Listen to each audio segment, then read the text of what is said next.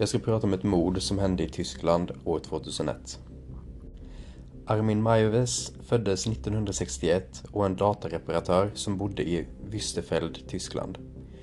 I sina unga dagar blev han lämnad av sin pappa och två halvbröder och var därmed tvungen att bo ensam med sin mamma.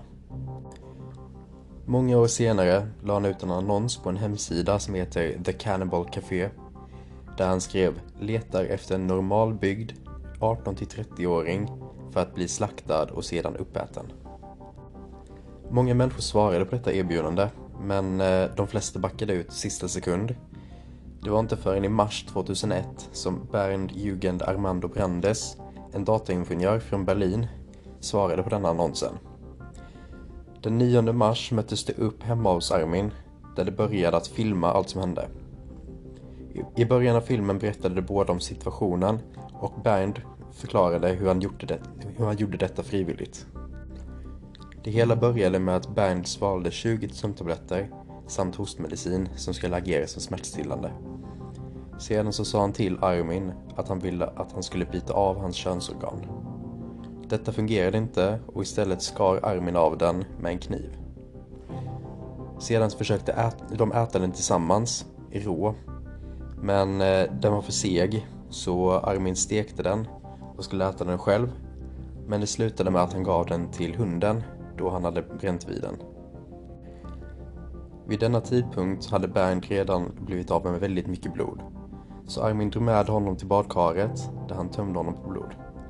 Bernd var fortfarande levande, så efter många böner så mördade Armin honom genom att hugga en kniv i hans hals.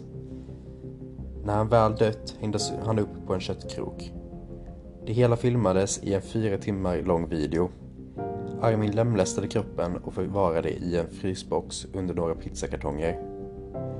Under nästkommande tio månaderna så, had, så ska han ha ätit cirka 20 kilo människokött. Armin arresterades i december 2002 efter att en högskoleelev hittat hans inlägg på hemsidan. Polisen hittade människokött samt filmen som gjordes. Det dröjde till januari 2004 innan han blev dömd för dråp och fick därav åtta år i fängelse. Dock var inte detta den slutgiltiga domen. År 2005 blev han återkallad till domstolen då vissa ansåg att han borde ha blivit åklagad för mord istället för dråp då han dödade för sexuell tillfredsställelse och dessutom filmade det. 2006 fick han sin slutgiltiga dom som var livstid i fängelse och detta var av mord. Sedan dess så har han blivit vegetarian. I en intervju berättar Armin om att hans sexuella avvikelse sakta men säkert har växt fram ända sedan hans pappa lämnade honom vid åtta års ålder. Han fantiserade bland annat om att äta sina klasskompisar. Önskan om att äta en annan människa växte när hans mor dog år 1999. Jag tror att pappans frånvarande kan ha varit det som triggade hans kannibalistiska tankar. Men jag tror även att det måste ha varit någonting mer som har påverkat att han blev som den han blev. Eh, vare sig det var att han blev dåligt behandlad hemma redan innan pappa lämnade eller att det var något annat som påverkat honom. Armin genomförde brottet för att han inte längre kunde tygla sina fantasier som han haft i sig i över 30 år. Och med hjälp av internet så gjorde det mycket lättare att hitta någon som frivilligt skulle ställa upp. Innan denna hemsidan skapades så var han, hade han antingen varit tvungen att öppet fråga någon eh, eller så hade han varit tvungen att mörda någon utan deras tillstånd. Och eh, Armin ville inte detta utan han ville bara äta mänskligt kött. Jag skulle säga att detta brottet har påverkat och skakat till samhället väldigt mycket. Mord förekommer flera gånger om året men att det i denna situation var kannibalism som var inblandat och att offret i fråga ställde upp frivilligt påverkar hur eh, samhället såg på det. Mordet blev världskänt och många blev uppskakade efter det som har hänt och att det var så hemskt.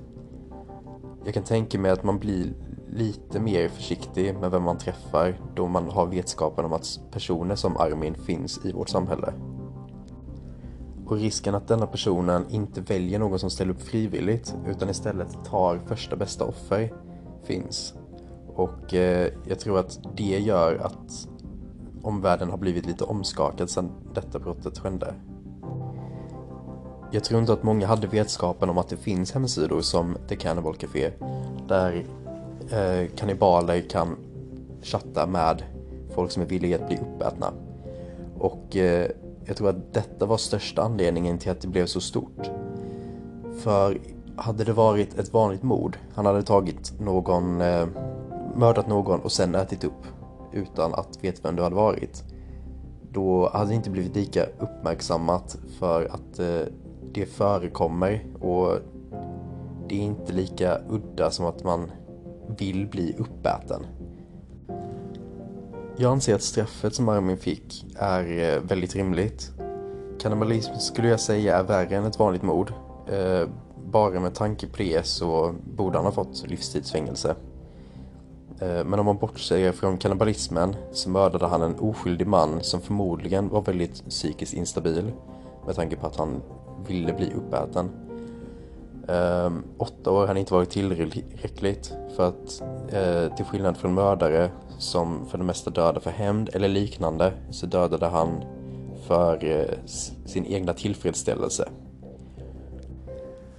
Och vad säger att Armin inte hade gjort likadant om han blivit frisläppt efter åtta år?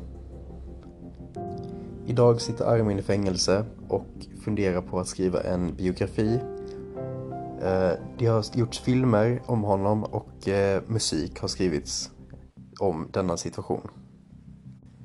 Exempel på detta är låten Mindtile som släpptes av det tyska metalbandet Rammstein år 2004 där de sjunger om eh, den bizarra händelsen där de åt på Brandes penis.